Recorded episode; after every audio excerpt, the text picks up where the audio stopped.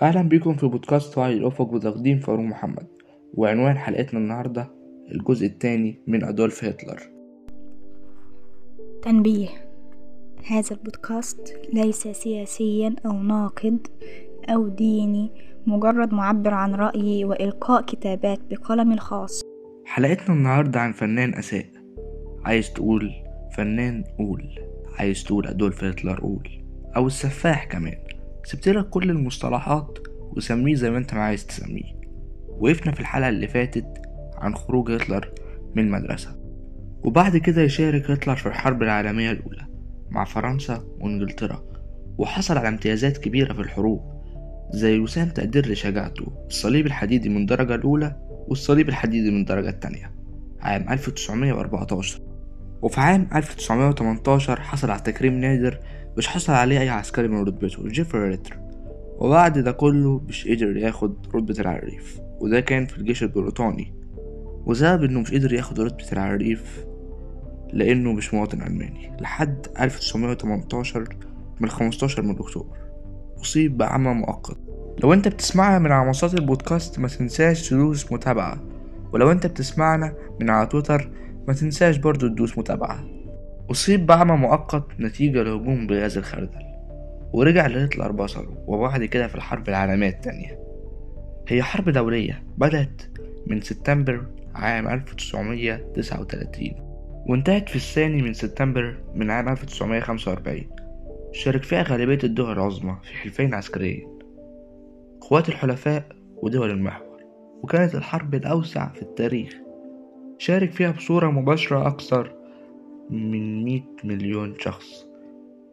يعني نقدر نقول زي سكان عدد جمهورية مصر العربية دلوقتي أو إحنا أعلى بنسبة بسيطة من اللي شاركوا في الحرب العالمية التانية. من أكثر من 30 بلد. كانت الإمبراطورية اليابانية أعلنت الحرب على جمهورية الصين في 7 يوليو من 1937 بحيث السيطرة على آسيا والمحيط الهادي.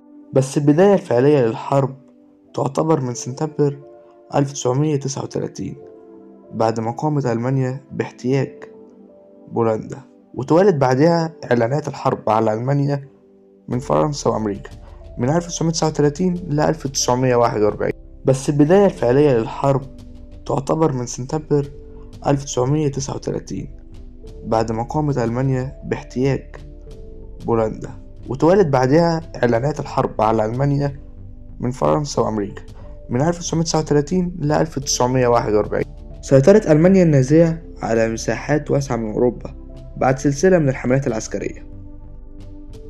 اللولوكوست كلمة أصلها يوناني معناها محروق وبالعبرية معناها كارثة وهي عبارة عن إبادة جماعية. حدثت خلال الحرب العالمية التانية قتل فيها حوالي ستة مليون. حرق فيها يهود أوروبا. على يد ألمانيا النازية وحلفائها وفي مؤرخين بيستخدموا تعريف اللولوكسوت اللي بيضم خمس ملايين إنسان إضافيين من غير اليهود اللي كانوا ضحايا القتل الجماعي. عشان يبقى المجموع الكلي ما يقارب العشرة مليون إنسان. في دول مش هتحسب وجودها زي مصر اللي كانت في الوقت ده تحت الاحتلال البريطاني. والنتيجة على كلامي ده معركة مدينة العالمين.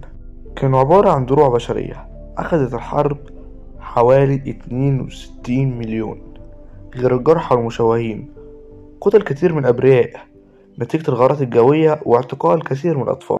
مات المستشار الألماني هتلر 30 إبريل 1945 منتحر عن طريق تناول مادة السيانيد.